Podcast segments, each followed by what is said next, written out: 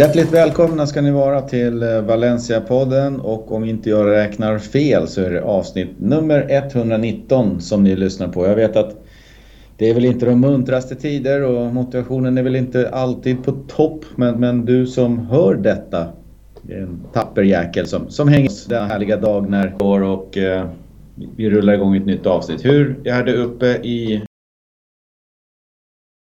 de norra delarna av Sverige Jocke?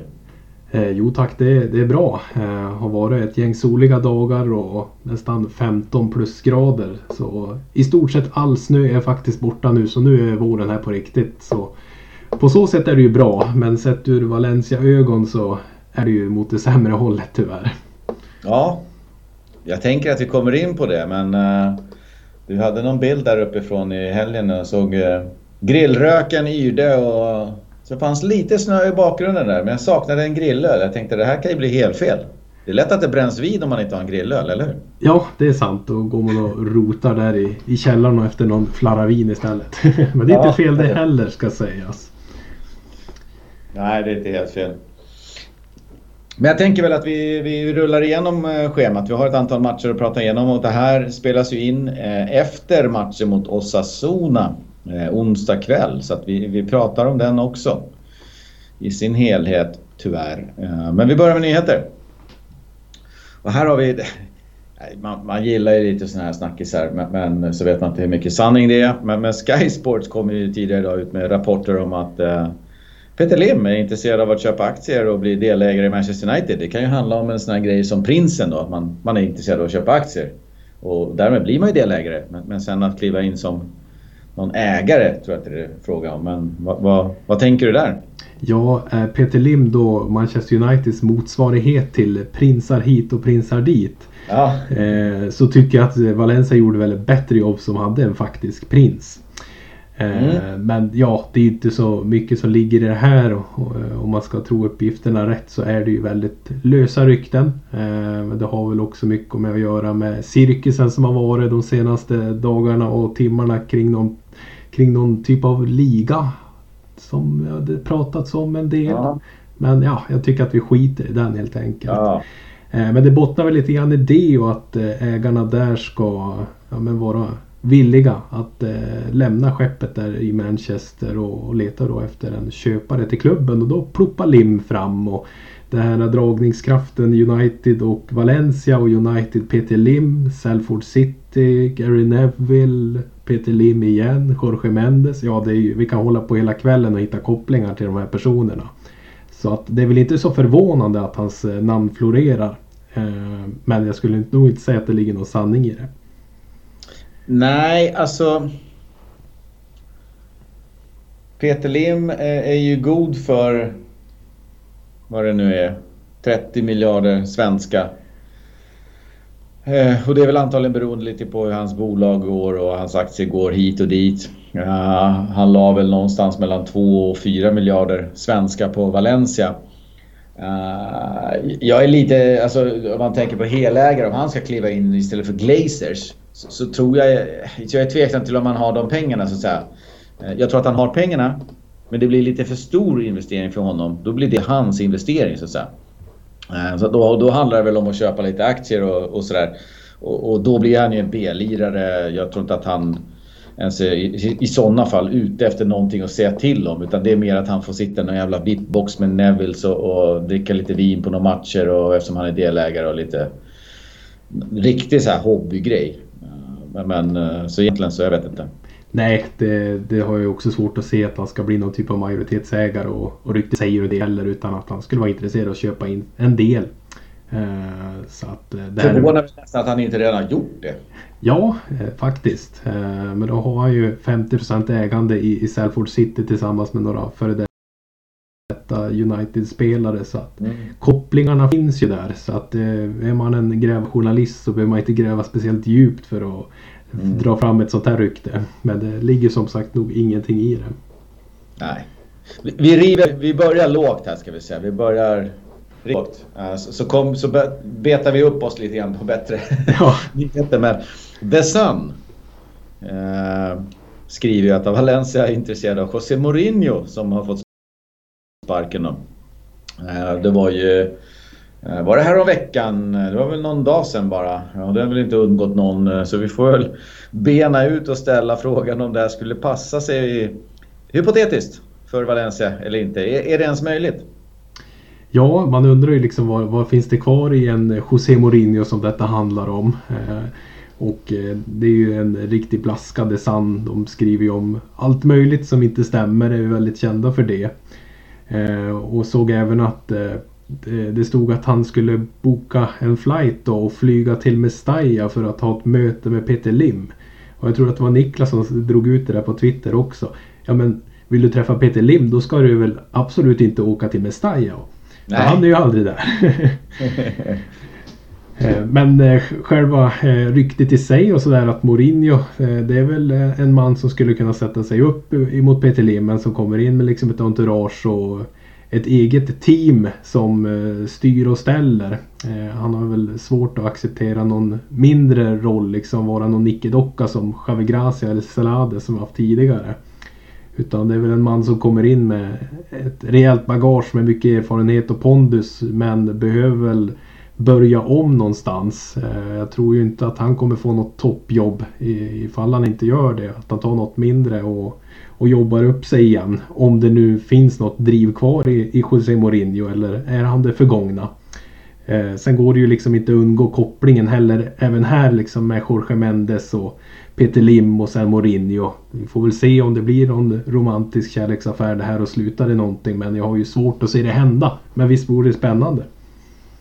Ja, eh, för mig är ju Mourinho en, en, tränare som ur vissa aspekter eh, revolutionerade sporten fotboll. Eh, på sin tid när han kom från, från Porto och eh, blev the special one i, i Chelsea. Eh, och så. Men, men nu för tiden så har han ju hos mig då som, som fotbollstränare ska man säga och kanske lite som person reducerats till en, en ganska bitter och passé gubbe så att säga. Mm. Uh, jag tycker inte att han riktigt har hängt med utvecklingen och, och sådär. Han får de här stora jobben uh, på grund av sitt CV. Eh, dessutom så vet jag att när han var i United så var han väl världens tredje bäst betalda spelare efter om det var Sarri eller någon som var i Kina och sen så var det Diego Simeone. Och sen så var det väl... Ja, han var i alla fall topp tre där.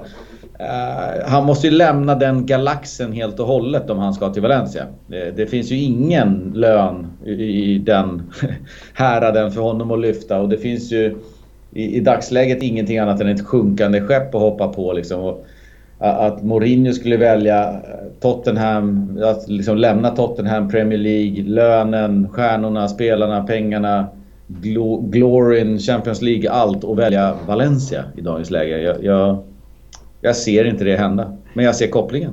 Ja, kopplingen ser man ju där. Men, men som du säger också att jag tror ju också att han tillhör ju det förgångna. Att han har blivit den där bittra surgubben som, som envisas på oss på sitt sätt. Eh, det eh, var väl något eh, löst i, i samma artikel också att det skulle vara aktuellt med, med Celtic i Skottland. Eh, det ser jag väl eh, mer som en, en trovärdig destination eller kanske hem till Portugal igen då. Eh, så det är väl någonstans där jag skulle kunna se att Mourinho hamnar och eh, att han då skulle komma till ett Valencia som mår så pass dåligt med att de måste börja transferfönstret med att sälja, vad är det för 30 miljoner euro?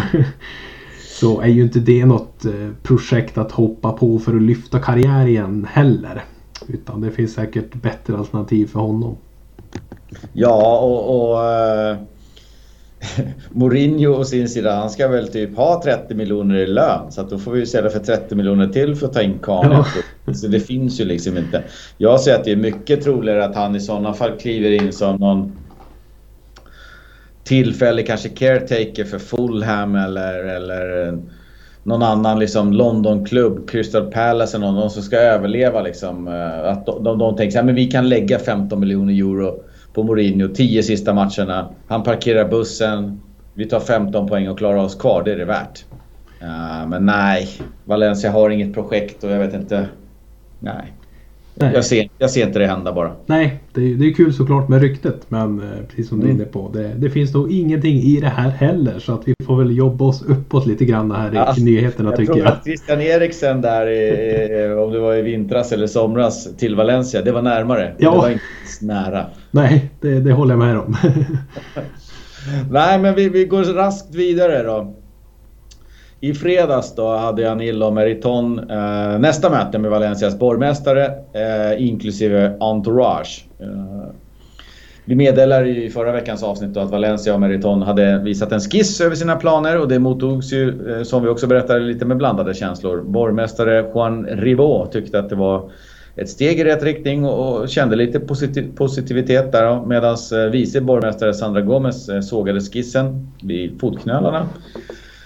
Och nu har Meriton då backat upp den här skissen med att lämna in ett niosidigt dokument. Och sen tänker man så här, nio sidor. Ja, ska jag skriva nio sidor så är det mycket. Men, men, men ska man bygga en arena? Ja, jag vet inte fan. Eh, men det dokumentet har man då lämnat in där man i kort och gott beskriver sina planer. Och tanken eh, i dokumentet då är att man i januari 2022, eh, om nio månader ish, Eh, sätter spaden i jorden för områdena runt omkring arenan då, som är en del av arenabygget. Eh, och där har man ju då ett sportkomplex eller idrottskomplex då med, med lite olika eh, sorters sporter och en sporthall och lite så mindre grejer eh, i spetsen då. Sen vill man ju ha en ny deadline då enligt dokumentet för arenan och den eh, hoppas man då kunna sättas till 2026. Alltså att då står arenan klart. Och sen innehöll den nog lite annat och det var ju nästa steg från den här skissen som man visade då för en dryg vecka sedan. Eh, Mottagandet till dokumentet kom nu i veckan och Sandra Gomes uppger återigen att det bara är luft. Det finns liksom inga garantier, inga godkännanden, ingenting. Och det enda hon ser är ytterligare en förfrågan om förlängning. En tiggarhand i textform som man har sett hundra gånger tidigare. Uh, kom inte och be om att vi ska tro på er utan lägg fram en garanti på 100 miljoner euro istället för att starta bygget på arenan. Uh, och någonstans så kan man ju liksom bara hålla med. Det är det vi har väntat på i alla år. Då. Men nu har till och med borgmästaren då, Juan Ribó, insett att uh, det, här, det, här, det här är inte så positivt som han tyckte att den här första skissen var. Och han har ju också intagit en kritiskare ton. Han känner att det måste till mycket mer än vad som har visat hittills. Uh, där står vi. Vad har du för tankar efter den utläggningen? Ja, alltså om jag bara försöker blunda och föreställa mig det här niosidiga härliga dokumentet som Annel Möti kommer i liksom i sin fina fina portfölj. Det är så, långt mellan bokstäverna och dubbelrader. Och... Ja, det är lite så. Alltså det, du har första sidan med ja, kanske en bokstav och så är det fyra, fem på nästa sida med storlek 78 eller dylikt. Och, kanske någon streckgubbe eller byggare Bob där liksom med någon hjälm och visa hur de sätter spaden i marken. Ja, men det, det är så patetiskt så att det, det finns ju inte. Eh, och det fortsätter ju liksom aldrig nå sin botten det här. Eh, 2026, alltså det var väl 2007 alltså, som de ja. började det här bygget. Eh, så det är ju ett sånt fatalt misslyckande så att det finns ju inte på kartan. Eh, och att det känns väldigt amatörmässigt att... Alltså, jag vet inte, han, han åker ju till Singapore. Av personliga skäl, eh, må så vara. Men, men, där diskuterar man ju någonting. Och väldigt snabbt efter att Karl landar då, det här var väl för en månad sedan ungefär, så har han ju bokat möte med, med borgmästaren där han kommer gåendes längs gatan när fotografer ställer frågan och det bara blixtrar med, med liksom kamera det tas bilder och sådär. Och han har ju ingenting med sig. Han bär ju inte ens på en portfölj. Hur jävla omodernt det kan tänkas. Men du förstår vad jag menar. Han har ju ingenting med sig. Och det är det de säger också. Han hade inte ens med sig ett papper. Utan han ville ha en förlängning och, och tänk på att vi räddade Valencia i coronatider och öppnade upp med Staya och vi har gjort massa så ge oss förlängning. Därifrån så tänker man så här, jag tror inte att de hade insett allvaret där och då. Utan att de, de var de pajasarna som de är. Och sen tänker de i sin vildaste fantasi att Nej, men vi, vi kommer nog komma överens. Vi, vi gör så här. Vi, vi kommer fram med en skiss och sen det här niosidiga dokumentet. Någonstans jag vet inte vad innebörden av att tacka nej till det här eller rekommendera att AT1 inte förlängs. Det kan ju bli som kris för Valencia, att de bygger någonting annat och, och, och klubben går i konkurs. Jag kan inte sia om vad det liksom landar i. Men, men någonstans så tänker jag att jag vet inte fan om jag vill att de ska förlänga det där. Eh, för det är lite som hon Sandra Gomez säger. Och, om en liksom vanlig kioskägare frågar efter någonting eller en restaurangägare frågar efter att få bygga ut så måste de ju komma med, med, en, med en ekonomisk plan och en, liksom en bankgaranti för olika saker. Och Valencia måste, stad alltså, Valencia stad måste ju behandla alla lika. Du har ju gett Lim och Meriton 50 livlinor med den här jävla arenan. Hur många fler livlinor ska du ge? Ja, det är ju frågan då. När han då är borta i Singapore som du är inne på av personliga skäl. Men ja, är ju borta några veckor. Eh, och, och, kommer tillbaka och har ingenting. Ja, men vad gjorde han under de här veckorna? Hur gick samtalen mellan han och Peter Lim? Att, ja, men hur ska vi lägga fram det? Hur ska planen se ut för nya Mestalla? Vad ska vi säga när vi kommer in på det här mötet? Om man då har diskuterat det i flera veckor. Då är det, ja men försök att hitta några ursäkter. Försök att, ja, men försök att få det förlängt. Var det det man diskuterade i flera veckor eller? Alltså, det är så pinsamt så det finns ju inte. De skämmer ju ut sig något fatalt. Och det, det är liksom, sista ordet är ju inte sagt ännu heller utan det kommer väl bara fortsätta det här. Men jag hoppas, hoppas, hoppas att staden och, och de står på sig och sätter liksom hårt mot hårt där. Fan, släpp inte det här nu. Nej. Alltså, tumskruvarna måste dras åt. Ja, ja, men det känns som så att för nu har ju ändå staden och borgmästaren här dragit det här att de ställer sig emot lite grann för första gången. Liksom. Det är första gången Peter Lim och Anne Mörti känner av ett motstånd ändå från staden. Att ja men nu räcker det faktiskt. Nu får ni ha en konkret plan för att ta det här vidare. Det här funkar inte.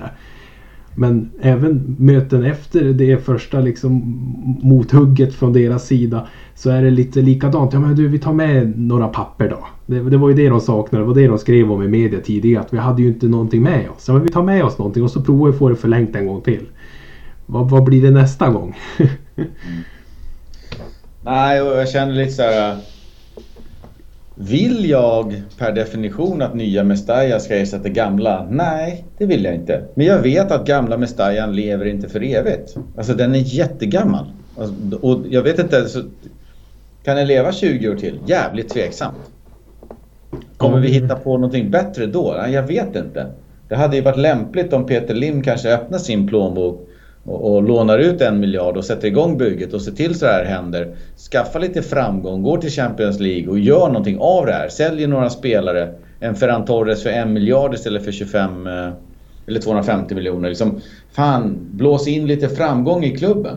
Nu är jag, alltså, jag, jag, det är så bakvänt så som de jobbar så att jag blir ju less. Ja, det, det finns ju så, såklart att det måste finnas ett ekonomiskt intresse i Valencia från Peter Lim och eh, allt han gör med spelarförsäljningar eller strategi, strategi, strategi när det kommer till bygga upp ett lag, sätta personer på rätt plats med president, med tränare, med sportchef, med spelarförsäljningar. Allting är ju så motsägelsefullt. Vad vill han med projektet? Vad, vad är projektet?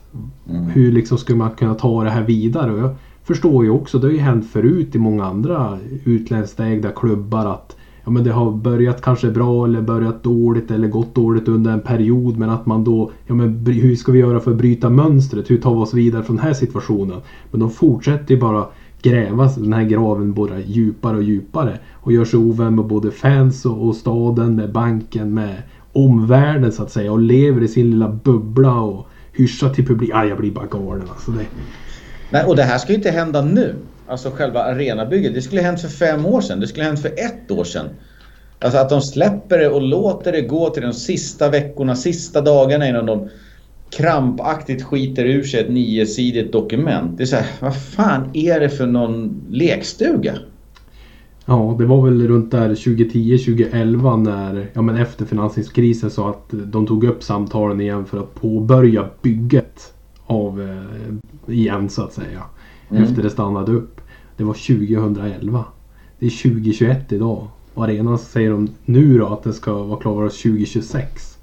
Mm. Hur ska vi ta oss vidare? Det är ju fortfarande ingen konkret plan. Sen 2011 när de skulle återuppta bygget första gången. Verkligen inte. Det finns, det finns ingenting konkret i det här. Det finns ingen bankgaranti, ingenting om de finansiella, finansiella grejerna. det är som Sandra Gomes de säger, de, de sträcker ut en tigghand. Mm. De, de ber om förlängning bara, igen. För femte gången. Men varför ska de tro på dem? Det är det som är problemet. Ja, de har ju ingen anledning att göra det. Så de får komma med något bättre till, till nästa möte hoppas jag. Ja, verkligen. Uh, och det är det de har bett om nu då. De har ju bett om, om planer, om en finansiell lösning, om att visa... Jag vet inte om det heter bankgaranti, men vi kan väl säga det då. Lånegaranti från banken. Igen. Någon finansiell, något finansiellt papper eller överenskommelse om att man, man menar allvar med det här. Uh, för att, uh, det är lite som Sandra Gomez säger. Man, man, menar inte allvar. Utan det här är bara någon jävla sminkning av grisen och försöka få en förlängning och sen så kan man skita i det ett antal år igen. Mm. Uh, så, att, så att, nästa steg här får vi se. Det är, tiden tickar på. det är inte gott om tid. Nej, och den är ju inte vacker som det ser ut just nu. Så att det här måste de göra någonting åt. Ja, verkligen. Ja, ja. Det där följer vi med spänning. Uh, nästa grej är ju lite uh, Kangin Lee. Uh, fortfarande sitter kvist. Uh, får knapet med speltid och det har ju varit, alltså, det har varit nästan löjligt senaste matcherna. Så han ryktas ju såklart bort och enligt eh, Dario AS så har Kanye Lee för sista gången klubbat fast att han inte kommer förlänga sitt kontrakt. Och, och det förstår jag ju alla dagar i veckan. Eh, nog för att han fick hoppa in rätt tidigt idag i ett läge som, som, som fjärde central mittfältare efter att Vass och, och Vass fick kliva in istället för Soler då, då och sen så var väl Rashid lite små skavanker och klev av. Eh, så att eh, eh, där verkar det bli en försäljning. Vad, ja. vad har vi på det? Ja, nej men att Kangin inte kommer skriva på ett nytt kontrakt det har man ju känt i, i flera månader. Så det kommer ju inte som någon chock för, för någon skulle jag tro. Eh, och, vi pratade om det innan vi började spela in här också. Indirekt så blev man petad till och med av Molina eh, idag här. Som gick in på högerbacken istället för Vass som flyttades upp på mittfältet. Och, ja, gör uträkningen själva. Eh, men själva ryktet här då, då är det ju så att eh, det är en liknande affär som när vi gjorde bytet där med Barcelona gällande Neto och Sillesen.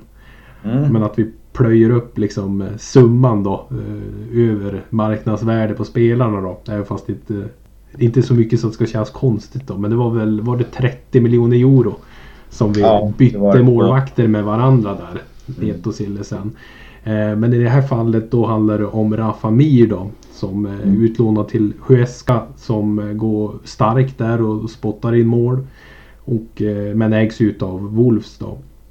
Och där finns ju också kopplingen med Jorge Mendes såklart. Eh, han kommer vi inte undan. Hur vi än vrider och vänder på saker och ting. Men att vi då skulle göra den här bytesaffären då, Kangin Lee mot Rafa Mir. Eh, och Rafa Mir är ju en Valencia-produkt eh, som krånglar sig bort lite grann. Där fick väl inte riktigt chansen. Jag tror att ni var inne på det här också i tidigare avsnittet när han blossade upp då att han skulle kunna vara aktuell för en återkomst. Så vi behöver väl kanske inte gå in mer på honom men det, vi behöver såklart få in eh, spelare till sommaren och ska inte Kangin Lee användas så det finns ingen framtid för honom så hade man väl inte tackat nej och få in en, ja, men en La Liga-anfallare som även gör mål i ett mindre lag. Och vi är ju ett mindre lag så att jag skulle nog inte tacka nej och få in honom. Nej, och jag känner så här, uh, Wolves, om det nu är liksom den klubben som är, är aktuell här, så känner jag att de eh, borde ju helt klart vara mer intresserade av Gedes än vad de skulle vara av eh, Kangin. Kangin är ju en spelare som inte platsar liksom i, i Valencia. Uh, och det var ju lite likt Rafa Mir, han platsade inte i Valencia heller. Uh, och han gick ju för en miljon euro då, då vad jag förstår till, till, till Wolves och lånades ut och så vidare. Och så vidare. Det, det är väl den prisklassen man tänker kanske att Kangeli håller. Men här tror jag att de tänker att nu går ju Rafa Mir bra i Huesca. Han är ju värd mycket mer än en miljon euro. Uh, och att Wolves kanske gärna fiskar då efter en, en, en, någon typ av bytesaffär. Kanske är det pengar emellan uh, på, på Gedes och så vidare. Eh, uh, Medan uh, Kangin då har, han har ett år, lite drygt nu då, kvar på kontraktet.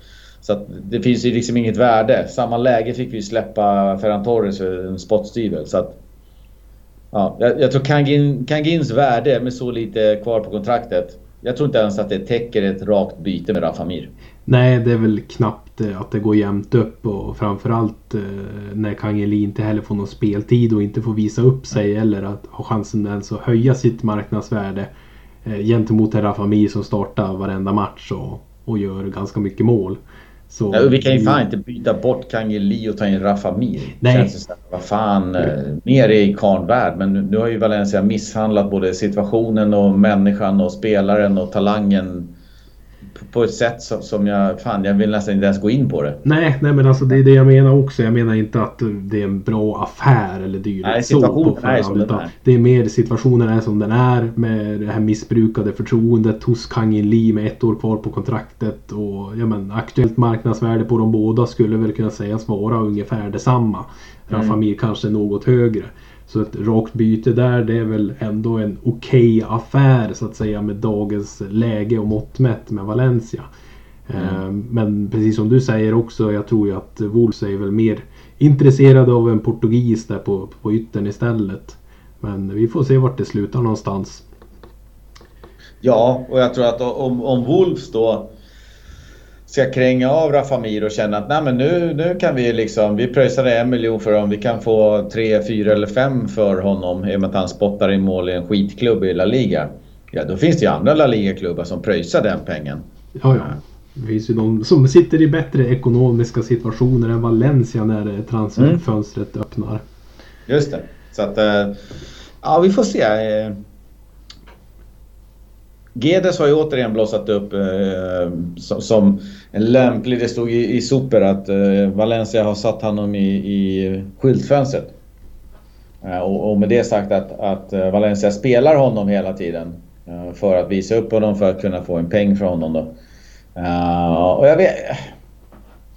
Det finns ju någonting där som lockar en med Guedes och det, det är ju den enorma utväxlingen på karln när han är bra. Och man tror ju att han kanske någon gång kan bli så bra och hålla den nivån. Men i dagens skräp Valencia uh, så, så, spelar det ingen roll om du har en sån Nej. Uh, och därför så tänker jag att kan man få en vettig peng för Gedes och rädda ekonomin och hålla någon typ av hyfsat lag kvar. Ja men sälj Gedes då, då vad fan. Det, det, blev en one of those who got away liksom. Kanske en Canales grej liksom. Men, men, eh, men han har ju blossat upp som att det, det, är, det är honom man siktar in sig på att sälja. Ja, eh, och jag köper ditt resonemang där. Skulle man kunna rädda upp hela sommarens transferfönstret genom en försäljning och att det skulle, utfallet skulle bli Guedes, att det är han som går. Så hade jag ju tagit det på förhand alla dagar i veckan. Eh, just med tanke på hur ojämn han har varit de senaste säsongerna. Och det är så sällan han blixtrar till men eh, mm. när han väl gör det så är det ju underbart. Det är fantastisk spelare att kolla på. Han har ju en högsta nivå som är klart mycket bättre än, än, att vara en spelare i Valencia. Skulle han kunna hålla den högsta nivån hela tiden så hade han ju spelat för de bästa klubbarna i Europa. Eh, och ja men lite så Canales, där kan han få den här flytten och, och slå igenom på, på åldershöst. Nu är ju inte han speciellt gammal. Guedes än är väl 24-25 bara. Eh, så att han har ju mycket kvar av sin karriär. Eh, och jag skulle köpa resonemanget om han själv också vill lämna det här sjunkande skeppet för att testa lyckan i, på öarna istället. Och säkra framtiden rent ekonomiskt gör man ju också där borta i Premier League. Så det, det är väl en logisk övergång också. Ja. Vi får se vad som händer. Uh, det är ju inget jättehögt odds på att både Gedes och Kangeli lämnar i sommar. Annars så, alltså, det är nästan så att ta en, ta en skitprislapp för Kangin i sommar. Istället för att man släpper Kahn gratis sen. Ja, det vill jag verkligen inte se hända. Men nu har vi en viss Anne Mörti som drar i trådarna när det kommer till förhandlingsbordet. Så att eh, förbered dig på att bli besviken. Ja. Ja, ja. Vi får se vad som händer. Men, men, men eh, det står ju nästan nästan till klart känns det som att Kangili lämnar dem. Absolut. Vi hade en eh, Thierry Correa eh, som linkade och skadas nu senast mot eh, Real Betis och kommer bli borta i fyra veckor vad det verkar. Ja precis, det var väl ett ligament i knät där. Eh, och tur var väl det att det blev ändå hyfsat lindrigt för det såg ju inget vidare ut när han gick Nej. ner till marken. Så då tänkte man, ah, kan det vara ett korsband nu? För han vred sig ju i smärtor där ett tag. Men eh, det, det, tycks ju inte vara så farligt i alla fall. Så fyra veckor blir han borta. Eh, men det ska väl mycket till att vi ser han spela några fler minuter den här säsongen. Eh, men då har vi ju en Piccini som, har, som hoppade in också nu senast som äntligen mot alla odds eh, sägs vara i 100% i fysisk status. Så nu finns han valbar här för Javier Gracia efter månader och veckor av träning. När man trodde att han var hel när han kom tillbaka där i januari. Så, så vart man ju bevisad motsatsen. Men nu så är det äntligen dags så här mot slutet av säsongen. Ja, det man undrar är hur, hur, hur kallt det är där för Piccini under eh, fiskpinnar och torskfiléer längst ner i frysboxen. För idag fanns det ju ett bra läge för Piccini att kliva in på högerbacken kan man ju tycka. När Correa inte kunde spela och Vass spetades upp på centralt mittsen. Men då valde man Molina istället. Ja, det är ju helt otroligt. man undrar ju så här, jaha. Hur var det med Piccini nu? Det finns ju ingen logik i någonting av det här. Eh, framförallt när det kommer till Xavi Gracias alltså laguttagningar. Eh, man, vet inte, man vet aldrig vem som petar vem på det där mittfältet eller backlinjen. Och så när man har, även har en Daniel Wass då. Som man hela tiden ja, men, tror att ja, men, han är högerbacksalternativet och så kom Korea, gjorde det bra. Det vart han högerbacksalternativet men likt förbannat är karln kvar på plan med Daniel Wass. Eh, och så nu då när man får en skada på Korea. Då tror man ju vass då kliver ner på högerbacken. Nej, då ska han spela mittfältare. Ja, men då borde väl Pescini få chansen. Nej, men då plockar vi in Molina istället. Mm. Så ja, det är ju noll logik i, i de här laguttagningarna. Och jag, vi kommer väl in på det lite senare. Men vi är ju, det går ju dåligt som sagt. Det har gått dåligt i flera matcher nu. Vi underpresterar något enormt. Så, varför gör man inte några förändringar i laget? Som man ser någon positiv utveckling för. Varför får inte spelare chansen? Ja, jag har svårt att förstå det här.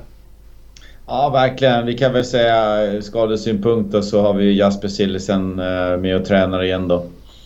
Efter skadan han drog på sig på landslagsuppehållet så vi hoppas att han är tillbaks eh, inom kort. Men vi kan väl kika lite snabbt på Real Betis Valencia förra helgen då för eh, fyra, fem dagar sedan då. 2-2. Eh, Fekir Canales och Geres Soler gjorde mål. Vi eh, hade ju då en eh, Guillamon som klev in eh, på mittbacksplatsen då istället för Gabriel och vi hade Gedes Gamero framåt när Maxi var skadad. Fekirs 1-0 mål kom ju tidigt i den 12 minuten. Vad säger vi om det? Ja, det är ju ett slarvigt försvarsspel rakt igenom i alla fall i mina ögon. Eh, det är som Vass där i den situationen förstår jag inte alls eh, när han går fram och vänder ryggen till när han ska ja, men upp och stöta eller täcka skottet. Mm. Så att eh, nej, otroligt dåligt där och sen tycker jag att den här strumprullen från Fekir, det är ju inget vidare skott. Så där ska ju Jaume vara med på noterna kan tyckas. Den studsar ju väl två gånger innan den går in i, i bakom, bakom honom. Så jag tycker absolut att både Xiaomi och Vass agerande i den där situationen är under all kritik. Ja, jag kan bara instämma. Ja, det, det känns liksom... Det, jag tycker det känns taffligt hela vägen. Uh, men vi hade ju en eh, kvittering sen av Guedes i minut 22. Ja, och det här var väl ett eh, typiskt Guedes mål också med ett eh, skott från distans och man ser på Guedes att han är på väg som vanligt att tappa balansen under mm. hela den här sekvensen. Mm. Eh, så samtidigt som han faller ner mot gräset så, så viner ju bollen in i mål. Och jag tycker att det här är ju exemplifierar ju verkligen Guedes när han är som bäst. När han får komma i de här och bryta in in centralt från sin eh, ytterposition och gå på de här eh, avsluten när han alltid nästan ramlar. Mm. det är så typiskt honom. Ja, det är ju vackert att se att han har kommit igång och verkligen växlat upp nu de här senaste matcherna. Men eh, vad tycker vi om pepparkarns målgesten där efteråt då? Nej, jag vet inte riktigt vad jag ska tycka om den. Generellt sett så tycker jag att och nu inte disrespektera någon liksom, alltså, eller, eller hyscha någon eller göra något, något utfall så får du göra lite vad du vill. Det är väl alltså min grej. Det, det, det är den som gör målet som, som får välja lite grann. Ja, det var väl när Guedes eh, ja, för ett gäng matcher sedan efter att eh, han varit nere vid fiskpinnarna och förlorade kroketter nere i frysboxen den här matchen när han fick hoppa in och avgjorde. Du kommer inte ihåg vilket motstånd det var. Eh, då gjorde han ju hyschningen så att säga. Så att, ja men den är någonting tycker jag. Då, då är så här, då markerar ju ja. på något sätt. Så den, men, tycker men... Jag, den tycker jag är en bra hyschning. Så det finns sådana också. Mm. Ja, men lite så. Det, det, är svårt att tolka vad man menar. Alltså man tänker så här. Jag kan ju tycka generellt sett att, att, att, om jag vore tränare i ett lag så skulle jag liksom ta bort alla de där typerna av budskap vid målgörande. Gör vi mål i vårt lag, då firar vi målet. Vi tackar den som passade. Vi blir extremt glada. Alla Manu Vallejo, alla Gabriel. Det är så vi firar mål. Ungefär som Marcelino firar mål. Och det tycker jag att alla ska göra hela tiden. Och med det sagt så tycker jag att det finns, om jag skulle bestämma så finns väldigt lite utrymme för, för andra typer av firande. Ja, jag eh, köper det. Så det... Jag är bara en åskådare och, och tittar på vad som händer och de, de gör ju sina val baserat på, på en jäkla massa faktorer. Då. Men, men, men jag vill inte ha det så. Jag vill ha glädje. Ja, alltså jag, jag, jag, kan ju instämma med det. Jag kan ju också tycka så. Eh, men jag tycker att det blir väl kanske lite för urvattnat också de här Manovaejo, Paulista eh, målfirarna också. Jag, jag gillar ändå att de kommer inte hela tiden så att säga. Nej, de nej. tillför en extra krydda. Nej, men när det har gått eh, trögt, det har gått tufft, det har varit en jämn eh, strid liksom på planen här i nästan 90 minuter och så får man en sån där Manovaejo-vrål liksom. Eh, det tycker jag ger en extra krydda än att man hade sett det varenda mål om du förstår vad jag menar. Mm. Men jag håller med dig alltså. Jag tycker också man bör ha en mentalitet där man ja, men, tackar för passningen och ja, men, uppträder på ett visst sätt när man drar på sig den här vackra tröjan. Att mm. Eh, så här gör vi. Det kan jag också tycka men jag är ändå glad att det inte kommer allt för ofta om du förstår vad jag menar. Nej, det behöver inte komma när man gör 5-1 liksom. Nej. Nej, men, men generellt sett. Sen firar alla på olika sätt. Man kan köra den här Jürgen Klinsmann liksom, för ni som är jättegamla som mig då. Man glider på bröstet och, och sådär. Man kan köra någon Ronaldo-grej eller man kan köra Manu Vallejo. Det finns olika sätt men, men jag tycker att ett, ett mål för, för, laget i La Liga eller whatever, det firas med glädje. Man behöver inte alltid ha något jäkla budskap eh, i det. Så jag, om jag vore tränare skulle jag försöka ta bort de där jäkla budskapen på något sätt. Men, men ja, det är vad det är liksom. Ja, jag är med dig men emot dig. ja, exakt. Vad tycker du övrigt om matchen då? Vi hade någon eh, kvittering där eh, efter en stund. Ja, ja men precis. Eh, nej, men det var också strax innan där som eh, eh, Ja, innan eh, de ytterligare tog ledningen igen så att säga ska sägas. Nej, men det var Christian Theo och där tycker jag att eh, Daniel Wass är ju på, på hälarna igen också. Så det var ju mm. nära där innan halvtid att eh, det blev 2-1 redan där. Eh, men som sagt, strax innan paus där så då dundrade ju Canales in 2-1 målet därefter en frisparksvariant. Och återigen alltså försvarsmisstaget och Valencia som står och sover och hinner ju inte upp och sätta press. För det är ju frisparksläggaren där petar ju den. Och sen tror jag att det är Joaquin va, som lägger tillbaka den eh, till Canales. Så det är liksom två passningar efter frisparken är tagen och Valencia hinner fortfarande inte upp och sätta press. Han får stå helt ostört och trycka in 2-1 målet. Mm. Nej, det... Ja, man blir ju bara matt och det känns ju som att det, det här är dagens... Det, det är Valencia anno 2021. Möjligtvis slutet 2020 också det här är ju det vi får hela tiden. Den här uh, uppgivenheten på något sätt. Ja men det känns så jäkla lojt. Det känns mm. inte som att man tar det på allvar. Det är lite, ja det blir som det blir. Jag blir så frustrerad så det kokar ju i mig när jag ser de här uh, som, misstagen som egentligen bara handlar om inställning. Alltså. vad har vi för mentalitet? Vad är det vi vill på banan? Är vi med? Är vi laddade liksom? Det ja. är ju så otroligt dåligt och det här landar ju allting i knät tycker jag på Xavi Gracia också. Så sätter ja. de här gubbarna ute på gräsmattan och, och, inte har byggt upp det här kemin, den här mentaliteten i laget som, som krävs. För vi har inte några världsstjärnor, vi har inga fixstjärnor som kommer lösa det här. Vi har inte den här typiska ledaren ute på planen som kan motivera och engagera medspelarna. Utan det här landar helt och hållet på, på hans ansvar. Och jag blir så trött bara. Nej, jag håller med. Det var, dagens match mot eh, Osasuna var lite likadant. Det, det är så dåligt pannben så det finns inte. Ja, det, det finns inget pannben. Man, man viker ner sig mentalt på något sätt. Det är det som, som stör. Men kollar man timmen in där i matchen så mot Betis eh, så blev det ju en, eh, en eh, solklar straff som Carlos Soler återigen tar. Han är tillbaks. Han, är tillbaks. han missade en match i straffen in, eller matchen innan va? En straff i matchen innan och, och sen så tog ju Vass straffen efter och då tänkte man att okej, okay, Soler petade men nu klev han in och tog den. Ja, jo det gjorde han. Eh, och det är väl eh, bra att han får sätta den. Det är väl så mycket att säga om. Jag tycker absolut man bör ju sätta alla straffar man får. Eh, och hans mm. procent Carlos Soler är väl helt okej. Okay.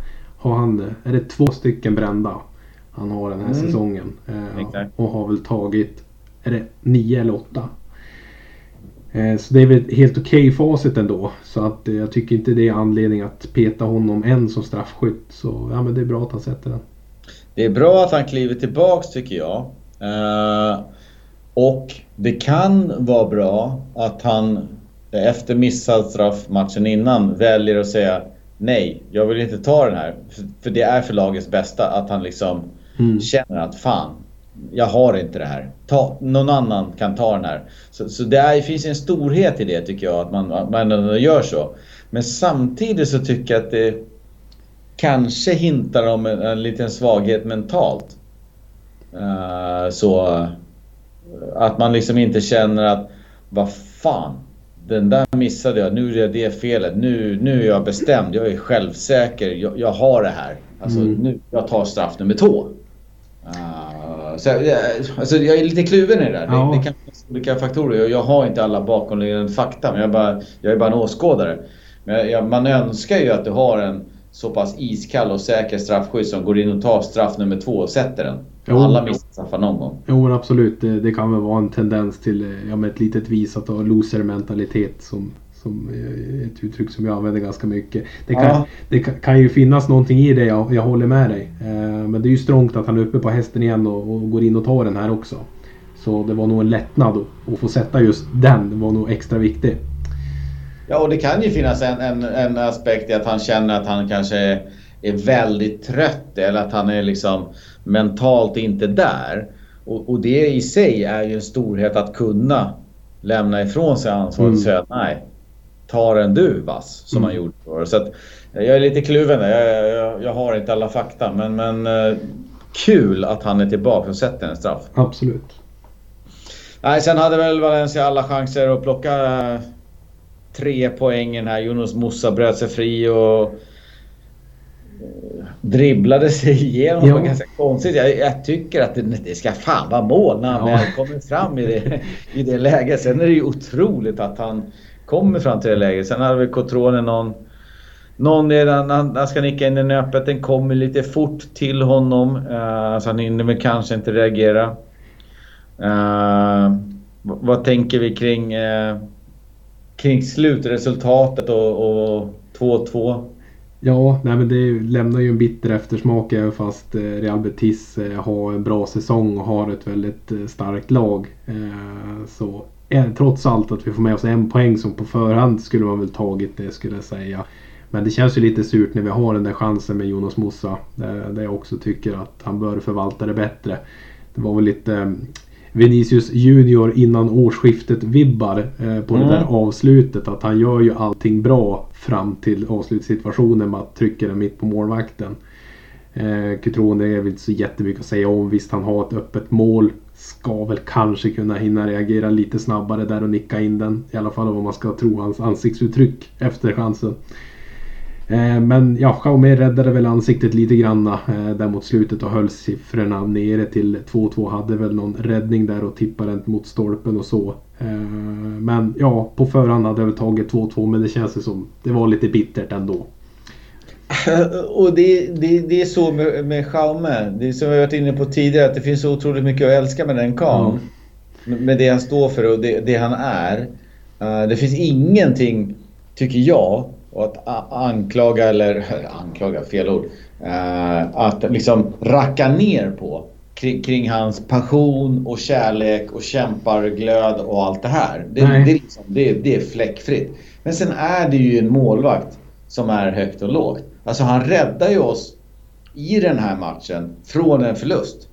Samtidigt som han kunde ha tagit ett par bollar och, och, och sett till att vi hade vunnit ur den aspekten istället. Så att du, du får ju både och och det, det är väl det som Xiaomi är på något sätt. Jo, men det är ju lite det man landar i. Det är exakt som du säger. Alltså, det går inte att frågasätta inställningen på honom Nej. och hans eh, passion och hjärta för den här fotbollsklubben. Det, det, går inte att säga någonting om. Men han är inte en eh, första målvakt i, i Valencia. Han håller ju inte den nivån. Det, det, det, går inte heller att säga någonting om. För det har vi även märkt flera gånger när speciellt jag menar, den här säsongen när han har fått så extremt mycket speltid. Mer än han någonsin fått. Eh, och över tid här så kommer inte Jaume kunna vara en målvakt som håller någon vidare kvalitet. Han är ju en perfekt andra målvakt att ha. En sån här Copa keeper så att säga. och kan göra några få ligamatcher när någon är avstängd eller skadad och han får göra sina kattliknande räddningar och prestationer emellanåt. Men låt det stanna där. Det, det behöver inte bli mer än så. Nej. Nej, vi bokför väl Jaume där och kollar in på Osasuna Valencia som var ikväll och det var ju en bitter tillställning. 3-1 till Osasuna som verkligen behövde poängen och nu distanserar sig lite grann eh, från bottenstriden. Valencia-målet prickades in av Gamero och den här matchen kunde väl kanske lika gärna slutat 5-1 eh, så som det såg ut. Eh, första målet ska inte få hända. Xhame har ju en utspark och sen går det liksom 10 sekunder och, och bollen ligger i mål efter att Diakabi har gått bort sig. Ja, det är, det är väl så vi kan summera Valencias säsong med den där meningen, känns det ju som. Ja. Eh, nej men eh, utsparken som, som nickas bara tillbaka och sen känns det som att... Jonas som går in i en närkamp och, och förlorar den kan man säga. Och sen så finns det inget mittfält typ. Nej, det är helt borta. Det är som utspritt och sen bara att man ska slå en inspark och ge Jonas Musa en nickduell. Bara det är ju fel från början. Mm. Då har vi bättre spelare och targets att slå upp bollen på. Även fast Maxi Gomez är borta än honom. Mm. Eh, men Diakabi går ju upp liksom och chansbryter. Går ju liksom bara på spelare, blir bolltittande och Nej, det, det är så jävligt dåligt. Och det är ju inte första gången heller som Diakaby går bort sig. Och nu är vi återigen att det faller ner i knät på Javi Gracia kan jag tycka även här. Eh, att han inte tar en, en videokväll med Diakaby och pratar positionering.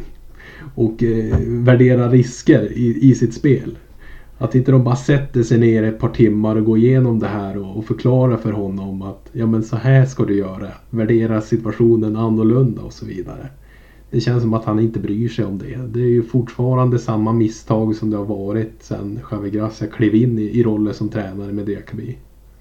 Ja men jag, jag håller med. Uh, och, och, det, och det blir frustrerande. Uh, Diakabi är ju en ung spelare som, som jag tycker har... Det finns saker i Diakabi som man tänker Ja, det här är bra. Uh, det, det, det, här är en bra kille liksom. Men han har ju misstagen hela på en armlängds avstånd. Det, alltså misstagen finns där. Du vet att de kommer varje match. Och det måste du som tränare kunna slipa bort. Du måste kunna säga till Diakabi och titta på en video efteråt. Eh, på det här första målet då. Att du har din kille, men du väljer att släppa den killen och gå in i press på bollhållaren. En press som Gabriel redan har. Mm. Om inte en... en alltså Gabriel är ju inte en meter ifrån, Gabriel kanske är tre meter ifrån.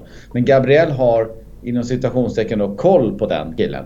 Uh, ska han skjuta därifrån så kan Gabriel gå in i, i täckning eller någonting. Men, men Diakabi väljer ändå att nej, jag släpper min kille och går in i en dubbelpress på den här killen.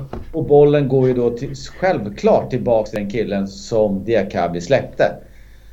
Och det går ju liksom inte lasta någon annan för det här. Alltså det är ett juniormisstag. Det här blir du straffad på på U19. Alltså U17, U21, alla de här mm. Eh, ungdoms... Alltså du blir straffad för det här. Och det måste Javi Gracia kunna prata med Diakabi om. Så här kan du inte göra. Uh, men jag tycker att det sker gång på gång och, och, det kostar. Alltså en sån här grej kostar, så är det bara. Mm. Ja, det, det, går inte att landa i någonting annat än att uh, ja, men, det är Javi Gracias ansvar att ta tag i mm. de här bitarna med Diakaby. Precis som du säger, han är ju ung liksom. Eh, såklart att han är formbar och det finns ju fina kvaliteter i honom också. Som eh, jag tycker man både man kan utveckla, alltså använda hans styrkor bättre men även försöka slipa bort de här valpmisstagen som inte får hända. Och, ja, det, Å ena sidan så, så, så är det Diakabi just som gör de här gång på gång. Och det är inte Gabriel, för Gabriel är äldre, han har rutin, han har erfarenhet. Och det är mycket möjligt att Gabriel är jättemycket bättre än Diakabi.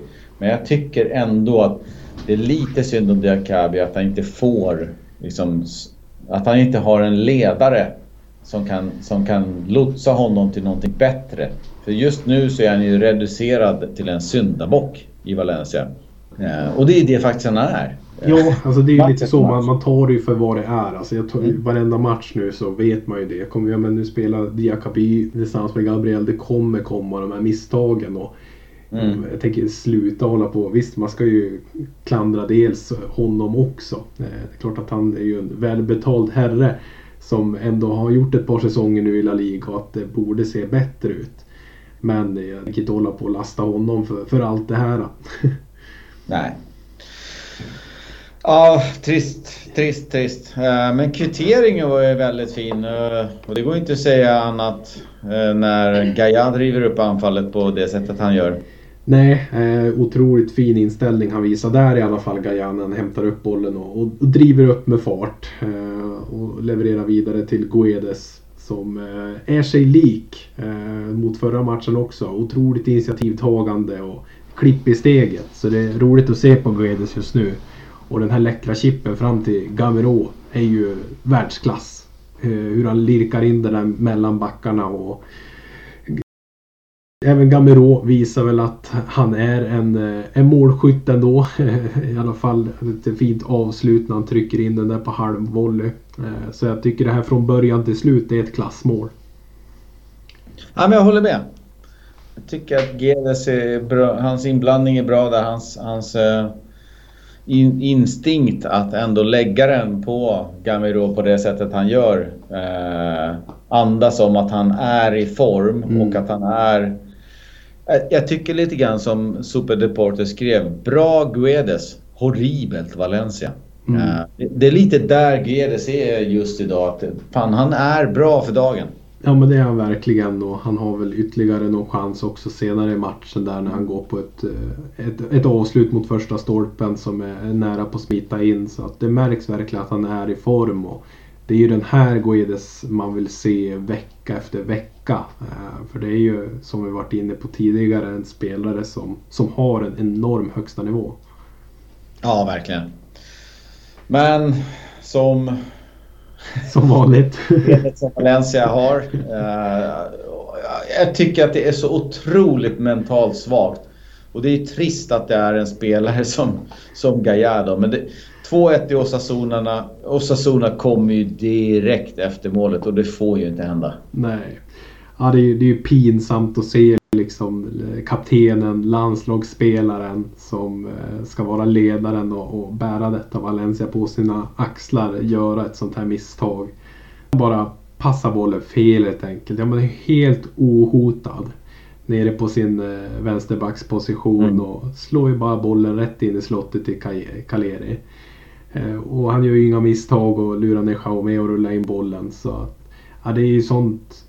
Ja, det här är ju mycket värre än Diakabis misstag som han gör en gång efter annan. Nu är det inte så ofta Gaia gör sådana här misstag. Det är väl kanske en per säsong då. Om ens det. Men det här det ska ju inte få hända. Det, det här målet finns ju inte. Det är ju sån oskärpa, det är sån okoncentration från Gaias sida där. Och det är ju så svårt, jag har så svårt att förstå det också när man väl har jobbat sig in i matchen. Det börjar tungt med ett misstag. Man jobbar sig in i matchen, man gör ett, eh, ett bra anfall, man har liksom mer smak, man gör det här fina kvitteringsmålet. Och direkt efter så är det bara pannben med mjukglass igen. Ja, och det, eh, upprinnelsen till hela är ju Gaias felpass och det går inte att komma ifrån. Eh, utan det felpasset så sker ju inte det här. Men sen så kommer ju en boll som spelas in till en, till en anfallare som får avsluta mot ja, första stolpen är det väl. Mm. och då har ju en Diakabi bredvid den spelaren som avslutar. så man tänker ju att inte för att det är Diakabis fel, för det här anfallet ska inte ske, utan det är Gaias fel. Mm. Men, men, samtidigt så går det att göra saker och ting bättre i situationerna som dyker upp efter. Och det är så här, eh, fotboll är ju, alltså mål som sker i fotboll, det är ju väldigt sällan en sekvens. Om liksom inte bollen ligger stilla på frispark eller straffpunkten. Utan det, det, det är skeenden, det är flera sekvenser. och det är sekvenserna är beroende av varandra. Och det börjar ju med Gaia och det är där upprinnelsen är. Det får inte ske. Men sen tycker inte jag att det är så jäkla bra i övrigt heller. Alltså han får göra det där målet så jävla lätt. Mm. Ja, jag... Vi gör inte sådana mål. Och det beror ju på att de andra är mycket bättre som de har bättre taktik, alltså de är bättre tränade. Eller, ja, de har bättre koncentrationsnivå eller, i alla fall. De har en spelidé som funkar. Vi har ju inte det. Nej, nej men jag håller med. Alltså, det är som, eh, koncentrationsnivån är ju så extremt låg i, i detta Valencia. Det är därför vi inte ser de här målen komma på med, med något annat lag än vårat känns det ju som. Eh, nu är man ju såklart färgad och och oerhört förbannad efter den här förlusten nu när vi spelar in strax efteråt bara. Mm. Så känner man ju ett, ett mörker och en hopplöshet och man eh, finner inte rätt ord ens för att beskriva hur, hur förjävligt det är. Alltså det, jag är så jävla less på det här så att det, det finns inte. Jag tycker också att... Man har lite så här självförtroende som dyker upp när man liksom lyckas kvittera och lite guys liksom. Det försvinner ju direkt. Ja, men det är det jag menar. Det är jag inne på också. Men när vi gör... Här. Vad är det? Ja, när vi gör det här 1-1 målet som ser så bra ut från början till slut. Varför lyfter inte det huvudet på spelarna på planen? Men visst, du kan ju gå och bära på en bitter känsla sen tidigare matcher på säsongen, sen dåliga tränare, eh, träningar med Javi Gracia, det är deppigt i omklädningsrummet, det finns ingen ledare, det är skit allting i ledningen och så vidare. Allt det här som bara snurrar som en jävla karusell runt det här laget och spelargruppen som ihopsvetsat på ett sånt skevt sätt så det bara inte finns det inte. Men just i stundens hetta, jag menar alltså de är ju fotbollsspelare, de får göra det de älskar varenda dag. Just i det här skeendet, där man gör ett 1-1 mål, det ser så jävla bra ut, vi har en Guedes som är på gång. Eh, varför kan man inte lyfta huvudet? Varför har man inte rätt inställning när det kommer till de här sekvenserna, de här korta sekunderna, de här minuterna man kan bryta ner matchen i? Varför är inte hjärtat på rätt ställe när det väl gäller. När man väl sparkar igång de här 90 minuterna. Varför ger man inte allt? Det är så det känns. Och den som ska ha det där hjärtat och värderingar, det är ju Gaia. Så det är han som gör målet. Eller gör felpasset till målet. Här. Äh, frustrerande är ju liksom... Jag förstår om folk stänger av TVn där. Ja, ja men absolut. Jag pallar inte med. Så det är så irriterande. Men vi kan väl gå vidare.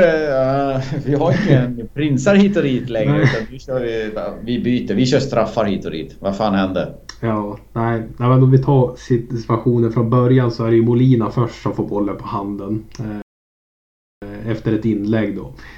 Och, och, här kan jag ju tycka, nu visst Molina är inte någon spelare som spelar vecka in och vecka ut så. Eh, så att eh, han är väl inte i någon vidare matchform. Men nu när man väl får chansen så borde man väl visa att man vill tillhöra A-laget i alla fall.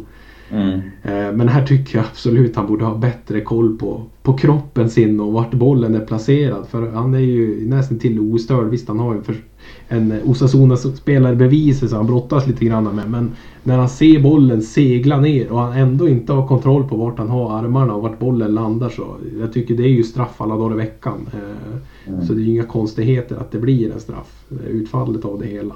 Men det är ju otroligt dåligt gjort utav Molina. Att han inte kan styra kroppen på ett bättre sätt och få undan den där bollen så ska den här situationen aldrig uppstå. Nej. Eh, sedermera så gör ju Jaume en kalasräddning och här har vi de här topparna han ändå kommer upp mm. ibland Jaume. Eh, för det är en riktig kalasräddning kan tyckas. Eh, och det går ju ut till en hörna direkt efteråt. Efter att alla har kramats klart så att säga.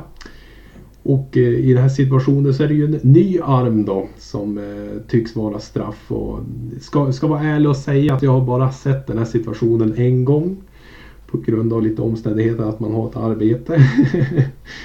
så att eh, jag, jag, vet inte exakt hur situationen ser ut men så vitt jag kunde se så, så är det ju liksom en reflektion att det är en nick och så blir det en touch och sen tar den på armen och den straffen tycker jag går väl att diskutera. Men eh, faktum är ju att de gör ju mål och stänger matchen med, med 3-1 i det här skedet. Ja, det är tufft, tufft. Uh, och jag, jag, vet inte om Valencia var värd någon poäng i den här matchen heller. Eh, jag, jag, tycker Jag är lite så svartvit person. Jag vet inte om man är värd så jävla mycket. Tre poäng finns där ute, hämta dem om du ska ha dem. Annars kan du lämna kvar dem. Vad du är värd och vad du förtjänade, skit i det. Ta tre poäng om du ska ha dem, så går du hem. Ja, jag tycker inte vi... Valencia var inte värda, de förtjänade inte och de tog inte tre poäng. Nej, och det, det jag tycker också nu har jag inte kollat den här situationen speciellt noga, ska sägas återigen. Men jag tycker ändå inte att vi ska börja med någon diskussion var det straff eller inte straff för att vi hade ingenting att hämta eh, mot Osasuna här i Pamplona utan det, vi blev utspelade kort och gott. Mm.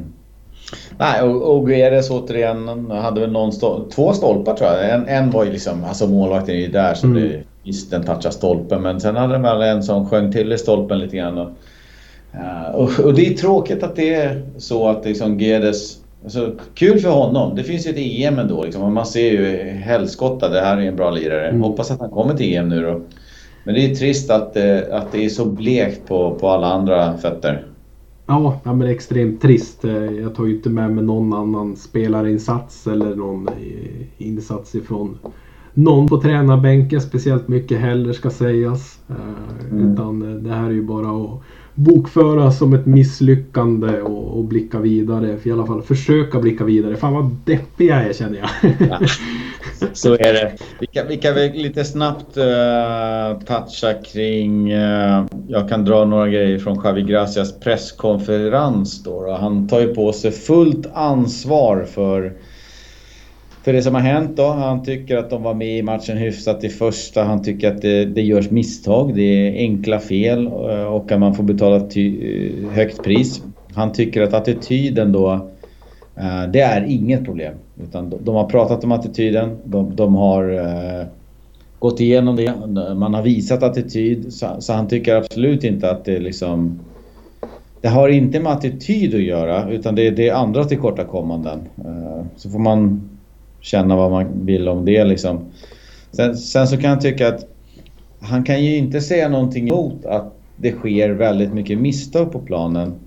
Uh, och de misstagen är liksom inte La Liga-nivå på. Uh, men om man visste varför de sker så skulle han ju rätta till dem. Uh, och, och Betis var ju liksom inget, inget undantag. utan han, han, han erkänner att det var likadant. Sen vet jag inte, han, han fäktar väl bort kritiken lite grann och säger att han, han har ett kontrakt och han, han tänker inte så mycket mer på det. Vad, vad tänker du kring presskonferensen? Är det något som... Ja, alltså det, det man tar med sig återigen är ju att Xavi Gracia har ju gett upp och att han inte är någon, någon ledare. Någon som kan gå in och, och styra och ställa och styra upp någonting. Mm. Utan, men här är det ju mer att ja, men, han ser att det begås misstag och skulle han vetat vad det är och hur man kan rätta till dem så skulle han ju naturligtvis gjort det. Ja men det är väl därför du är tränare, det är väl det du är anställd för. Det är väl att, att driva e-, e-, ett lag framåt, sätta en taktik, ja, men utveckla spelarna på träningarna, komma bättre förberedd till nästa gång. Jag förstår också att man begår misstag, det kommer ju man ju aldrig ifrån. Men när man gör så enkla misstag och det är liknande misstag och det är likt samma spelare som gör liknande misstag match efter match efter match efter match. Nej, det tycker jag bara är en stämpel på att man, man hör inte hemma på en tränarbänk. I alla fall inte i det här laget. Utan det här är ju ett sjunkande skepp. Nej men så är det. Och misstag. Alltså du måste ju alltid väga eh, risktagande på något sätt. Att ska jag slå den här farliga passningen, vad kan vi få för utväxling av den och vad mm. kan det kosta om jag missar liksom? Det är beslutstagande och just det här med riskminimering. Jag, jag vet inte om, Javi Gracia vet vad det är eller om man pratar mandarin och, och Diakabi pratar franska. Jag vet inte om de förstår varandra. Det känns som att kopplingarna sitter inte med varandra på något sätt. Jag, jag lägger oerhört mycket på, på Javi Gracia. Eh, det debaclet som vi ändå befinner oss i. Ja, sen fick han ju såklart eh, det här spelet, truppen och de här förutsättningarna mm. lagda i sitt knä. Men eh, ska man bara hålla på och vifta bort det och inte ge prov på förändring, inte i alla fall visa att det går framåt eller att man rättar till någonting eller att man utvecklar någonting. Ja men då tycker jag att man, man är på fel ställe. Ja, tittar man efter den här matchen så ligger Osasuna 8 och vi ligger på 14 plats. Ja. Så då fan har vi en bättre trupp än Osasuna. Ja, det, det, det, var väl jag för något avsnitt sen lite ifrågasättande också. Har vi egentligen det? Har vi egentligen en bättre trupp? Ja, nå no, fasiken ska vi ha en bättre trupp än Osasuna, men det ska väl sägas att de, de gör ju en eh, hyfsat bra säsong i sina mått mätt också. Det skulle vi också kunna göra. Ja, det, det, tycker jag också. Att det är ju någonstans där vi borde ligga också kanske med den här truppen. Så ska vi absolut vara på den övre halvan kanske i alla fall. Om vi gör en, en bra säsong och att men, spelarna presterar på en normal nivå. Ja, iskallt alltså. Vi, vi släpper Osasuna-matchen och så kollar vi lite framåt ändå. Hörni. Det tar ju inte slut. Det är ändå härliga matcher. Man har ju ändå lite geisten uppe inför varenda drabbning. Och nu är det ju Alaves på Mestalla på lördag 18.30. Så, så eftermiddagen. Diska av allting och bara sätta ner vid, vid TVn och iPaden med en, en, god dryck och njut av en eh, drabbning mot eh, JGs eh, Alaves. Vi har ju Sillesen tillbaks mellan stolparna. Får han starta tro? Ja, vi får ju hoppas det i alla fall. Eh, nej, men är han fit for fight och kan eh, klara 90 minuter i, i den matchen så ska han ju spela. Eh, vi har ju sett vilken enorm skillnad det är när han spelar gentemot Xiaomi. Både kanske när det kommer till kommunikation i, i backlinjen och misstag som sker där. Men även kvalitativt eh, målvakterna sinsemellan så är det ju såklart Sillesen som ska vara första målvakten. Eh, och lite grann bara som du var inne på touchade där att, ja, att man bygger ju upp ändå eh, någon slags förväntan. Man blir ju ändå lite taggad när det kommer till nästa match. Eh, i, idag så spelar vi ju in direkt efter en match och jag vet inte om jag har varit med när vi har gjort det någon gång och det kanske folk kommer märka att jag är jävligt förbannad och sur idag. Men det är klart att jag också ser fram emot eh, nästa match och, och kommer vara laddad och titta på den.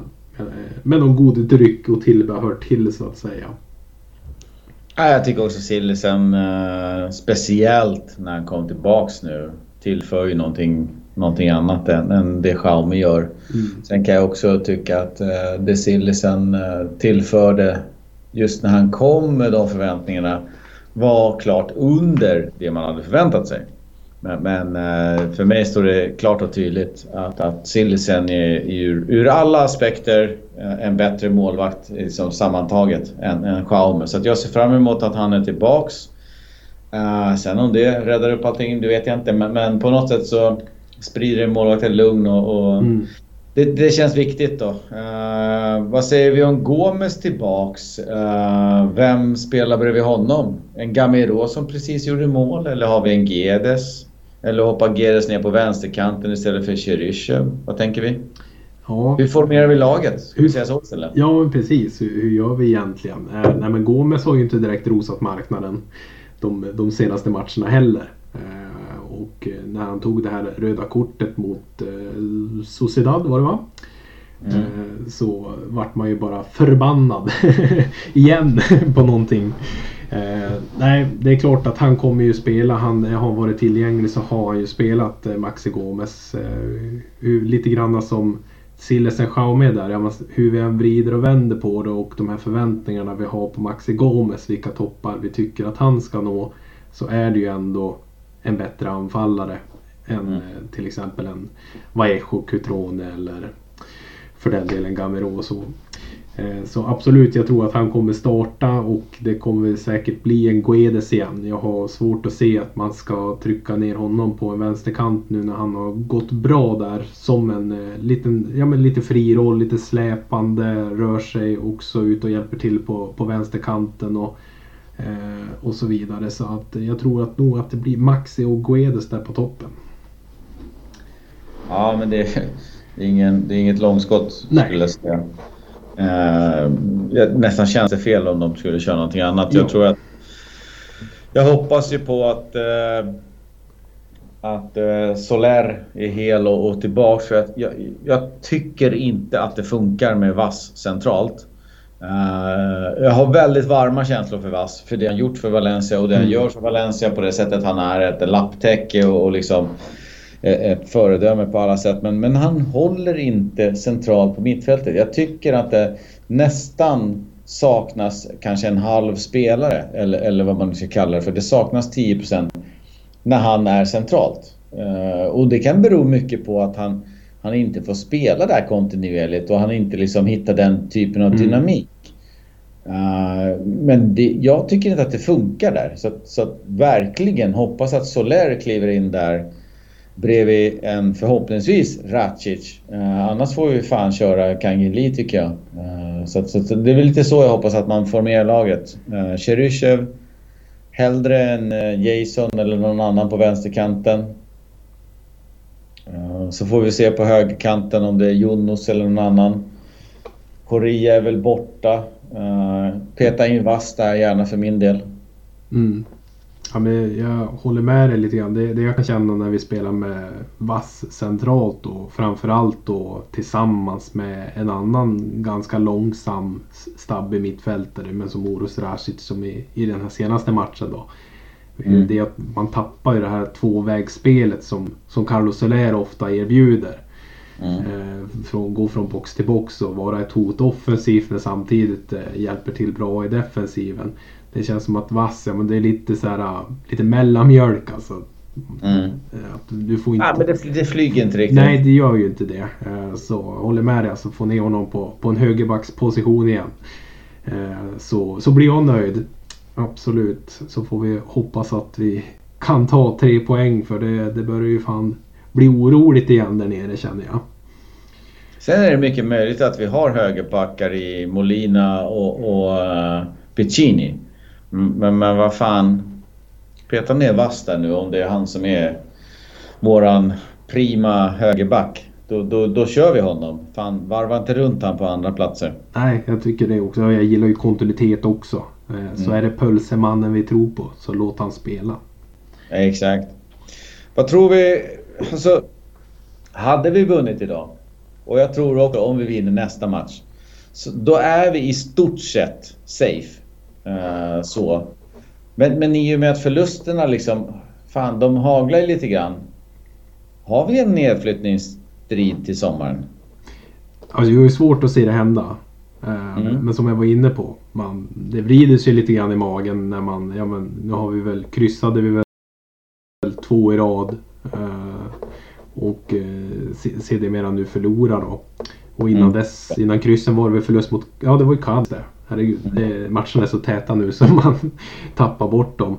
Eh, så nu var det ju en månad sedan vi vann. Mm. Så det är klart att eh, det vrider sig i magen och att eh, det kan bli ganska jobbigt det här. För blickar vi framåt, ja men visst Alaves, eh, JGs Alaves, det ska vi ju ta på hemmaplan. Men sen väntar en Barcelona-match borta, ett titeljagande Barcelona och vi har ju även Sevilla kvar. Och ett mm. Huesca som eh, kämpar och sliter med allt de har för att hålla sig kvar. Så att det finns inga lätta matcher nu mot slutet på säsongen. Det gäller ganska mycket för de här lagen vi möter. Så att eh, det gäller verkligen att vi steppar upp och försöker ta de här pinnarna som, eh, som vi behöver för att hålla oss kvar. För att känna oss safe där så att vi inte måste vinna liksom, ha kniv mot strupen någon, någon sista match. eller ta ett kryss någon sista match i säsongen. För det, det pallar jag fan inte med alltså. Det, jag får gå till läkaren snart. Nej, och, och, och, man kan säga så här liksom. Nyckeln till det hela, säger jag, det är nästa match mot Deportivo Alaves. Tar vi tre pinnar där, då har vi andrum, vi är safe, vi är säkra. Men ponera en förlust i den matchen. Mm. Att man, man har den här pissiga inställningen som det var idag. Då har du Barcelona näst, näst efter det. Mm. Och då, då, då, räknar jag in en förlust. Eh, så som det har sett ut. Sen kan man kalla mig för domedagsprofet och allting. Men, men, men den, känns, den känns jobbig. Sen har du då Valladolid efter det. Säg att vi kryssar den matchen. Gedes drar på sig ett jävla onödigt rött och vi får en straff emot eller whatever. Alltså ett mm. kryss är ju fan inte omöjligt. Sen har vi Sevilla borta. Mm. Hux så har vi liksom en pinne på, på fyra matcher. Och då kanske de andra har hämtat i, i kapp en del. Då är vi fan indragna. Så, så vinn den här nästa matchen mot Alaves. Måste gå all in i den. Mm. Ja men det är ju så liksom. Både Huesca, Eibar, Valladolid, Alaves. Det är ju lag som ligger bakom oss eh, ganska tätt. Vi har ju mm. väl fem poäng ner till Alaves. Ja men skulle de vinna den matchen, men då, då blir det jobbigt där mot slutet. Eh, så att eh, jag håller med. Det känns lite grann som en, som en nyckelmatch här mot Alaves. Ja, verkligen. Otroligt viktigt. Uh, för, för, sen är det i, i stort sett klart. Det, det, kan räcka med de poängen vi har nu. Men en vinst mot alla väst, då är det i stort sett klart. Mm. Vad säger vi om nyförvärven då? Jag blir lite förundrad här eh, ändå. Eh, vi, vi, har, vi har Tappo och Soler på mittfältet som, som stannar hemma. Vi har Racic som, som uppenbarligen inte är liksom 100% fit. Kliver ut i 52 minuten. Oliva var inte tanken att starta tydligen utan här kör vi vass liksom. Eh, och sen så har vi väl en mittbacksituation där, där Diakabi kanske då gång på gång gör bort sig. Ferro är inte ens nära. Uh, vi har väl en Cutrone som, som har etablerat sig som en inhoppare. Han har ju verkligen inte tagit en plats som att liksom, här ska jag spela någonting. Nej. De här nyförvärven som kom in liksom... Alltså det känns så osynkat med dem. Jag vet inte, det känns så oscoutat, det känns så osynkat. Det känns som... Vad gör de här? Ja, men eh, jag tror det var, var det du eller Niklas som, som sa det där för ja, men, några veckor sedan. Ja, men var det liksom för att täppa igen käften på alla som sa att vi inte sålde något. Eller på det där Twitterkontot som räknade dagar som Valencia inte har köpt en spelare. Ja, men, lite de vibbarna får man ju nästan att det var någon, ja, någon höftning bara där på deadline day att vi måste nog få in någonting för att, för att bredda truppen. Men när inte ens eh, spelarna får chansen. Visst det är lån, det är väl bara klausul på Oliva som jag har förstått det rätt. Mm. Resten, både Ferro och Cutrone kommer ju bara vara här i några månader till eller några veckor till bara. Eh, det finns ju ingen tydlig plan eh, och när spelare är borta eller avstängda, skadade på de här positionerna som vi tagit in förstärkningar på så får de ju ändå inte spela. Nej. Så att det finns väl noll tanke bakom det hela. Eh, nu har vi i alla fall Cutrone som du är inne på etablera sig som i alla fall en inhoppare så han får komma in när det är 20 minuter, en kvart kvar av matchen och försöka göra det bästa av situationen. Men det händer ju ingenting och jag förväntar mig inte heller att det ska hända någonting på så kort tid i en ny miljö. Eh, så att, jag, jag tycker det är huvudlöst agerande eh, att man drar på sig en kostnad eh, som man inte använder sig utav. Nej, och att man, att man liksom att man på något sätt tar in spelare som, som, och då vet jag inte om det är Gracias fel eller om, om det är Murtis fel eller ja, ja är svårt att... han som är sportchef. Ja. Vems fel det är. Men, men det är ju spelare som, som huvudtränaren inte anser platsar. Det, det, är ju förstärkningar som, som egentligen inte är förstärkningar. Mm. Ja men det är, det är svårt att säga om vems, eh, på vems, ja, samvete det ligger på. Var det, var det Javi Gracia som tjatade in de här spelarna eller var det bara Annie Mörte som tänkte att ja, men vi tar in tre nobodies och breddar truppen lite grann. Ja, men, Och om vi nu är så i sån ekonomisk kris som vi befinner oss i där vi måste sälja spelare, vi kan inte bygga arenan, eh, eh sälja, rear ut de, de här bästa spelarna innan den här säsongen. Eh, varför ska vi då ändå dra på oss, visst det är ju ganska små kostnader sett ur ett fotbollsperspektiv med den ekonomin. Att ta in sådana här spelare på lån och med bara en på klausul och så vidare. Men det är ju ändå kostnader. Vi drar ju ändå på oss fler löneposter. Eh, helt i onödan som vi inte använder oss utav för fem öre. Kunde man kanske istället då gått kanske på en spelare. En lite bättre spelare som skulle kunna gått in och förstärkt laget. Då hade jag ju tagit det alla dagar i veckan på förhand. Ja men li, lite så. Jag menar känner man att Molina och, och Escuerdo och, och Jason och, och, Alex Blanco ska ha speltid mm. i Valencia. Så vad fan gör de här nyförvärven? Ja, då fanns det ju ingen anledning att ta in dem från första början om de ändå Nej. går före i hackordningen. Så, ja, men det, är... det här är ju dussinspelare deluxe. Ja. Och, och de, de får speltid. Då sitter Cotrone där och värmer upp och, och stretchar baksida lår och väntar på när han ska komma in. Och Oliva tänker ja det här var ju kul. Fan nu skickar de in SKR då. Spännande. Ja, ja. det känns bara så rörigt med de här nyförvärven. Ja, verkligen. Det är så motsägelsefullt. Man, jag vet inte vem jag ska lasta för det heller. Och jag vet inte heller, ligger det i, i spelarna? För jag, jag har ju svårt att se att både Christian Oliva, Patrik Cutrone och Ferro skulle vara så helt plötsligt, ja men det här var inte alls vad vi förväntade oss. De mm. lever ju inte alls upp till förväntningarna på träningarna eller det de har sett. Eller de här passar inte alls in i vårt spelsystem. Mm. kan, kan det bli så fel på tre nyförvärv? Har jag svårt att se det hända. Ja. Nej, det är li lite märkligt måste jag säga med ett nyförvärv, helt klart. Eh, jag tror att vi, vi, vi, släpper dem där och konstaterar att de, de finns i truppen, de, de tjänar någon typ av pengar och de bär Valencia-tröja och träningsoveraller på dagarna. Men Oj, jag vet inte fan hur de utnyttjas. De har ju till och med nummer 10 på ryggen, Christian Oliva. det som Soler bönade och bad om att få, men han inte hade ett tillräckligt bra namn liksom. Han var inte riktigt tillräckligt stor för att bära upp nummer 10 Valencia tydligen. Ja. ja, nej, fy fan. Vi släpper det som sagt.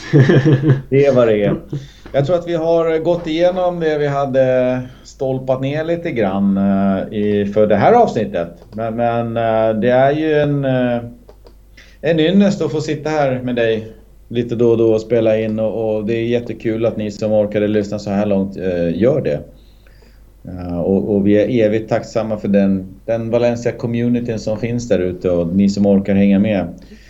Uh, vi kämpar på även när det regnar uh, och, och, nu regnar det fan. Det gör det verkligen men vi taggar till och försöker ladda upp bra i alla fall inför Alaves-matchen där. Som är, som är en nyckelmatch. Ja, ja. Måste... vinner vi den så är det klart. Ja. Sen så kan vi sikta på nästa säsong som...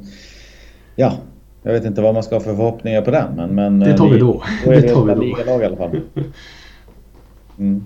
Ja, men vi, vi säger väl hasta luego så, så ses vi nästa vecka.